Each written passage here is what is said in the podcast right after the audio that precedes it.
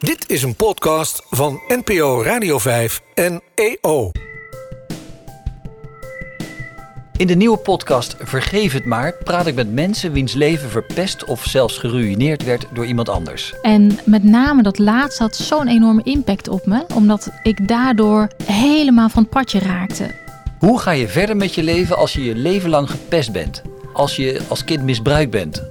Of als je kind wordt vermoord? Ik wil niks met hem te maken hebben. Hij bestaat niet. Hij is voor mij een nul. Ik had totaal geen behoefte om hem weer uh, toe te laten. Mijn gasten kozen op de een of andere manier voor vergeving. Ik ben Ina en dit ben ik geworden. En ik wil tegen jullie zeggen dat ik jullie vergeven heb. Hoe ze tot die keuze gekomen zijn en wat dit met ze doet, vertellen ze in Vergeef het maar. Vanaf 13 november elke week te horen via NPO Luister, de NPO Radio 5 app en elke andere grote podcast app.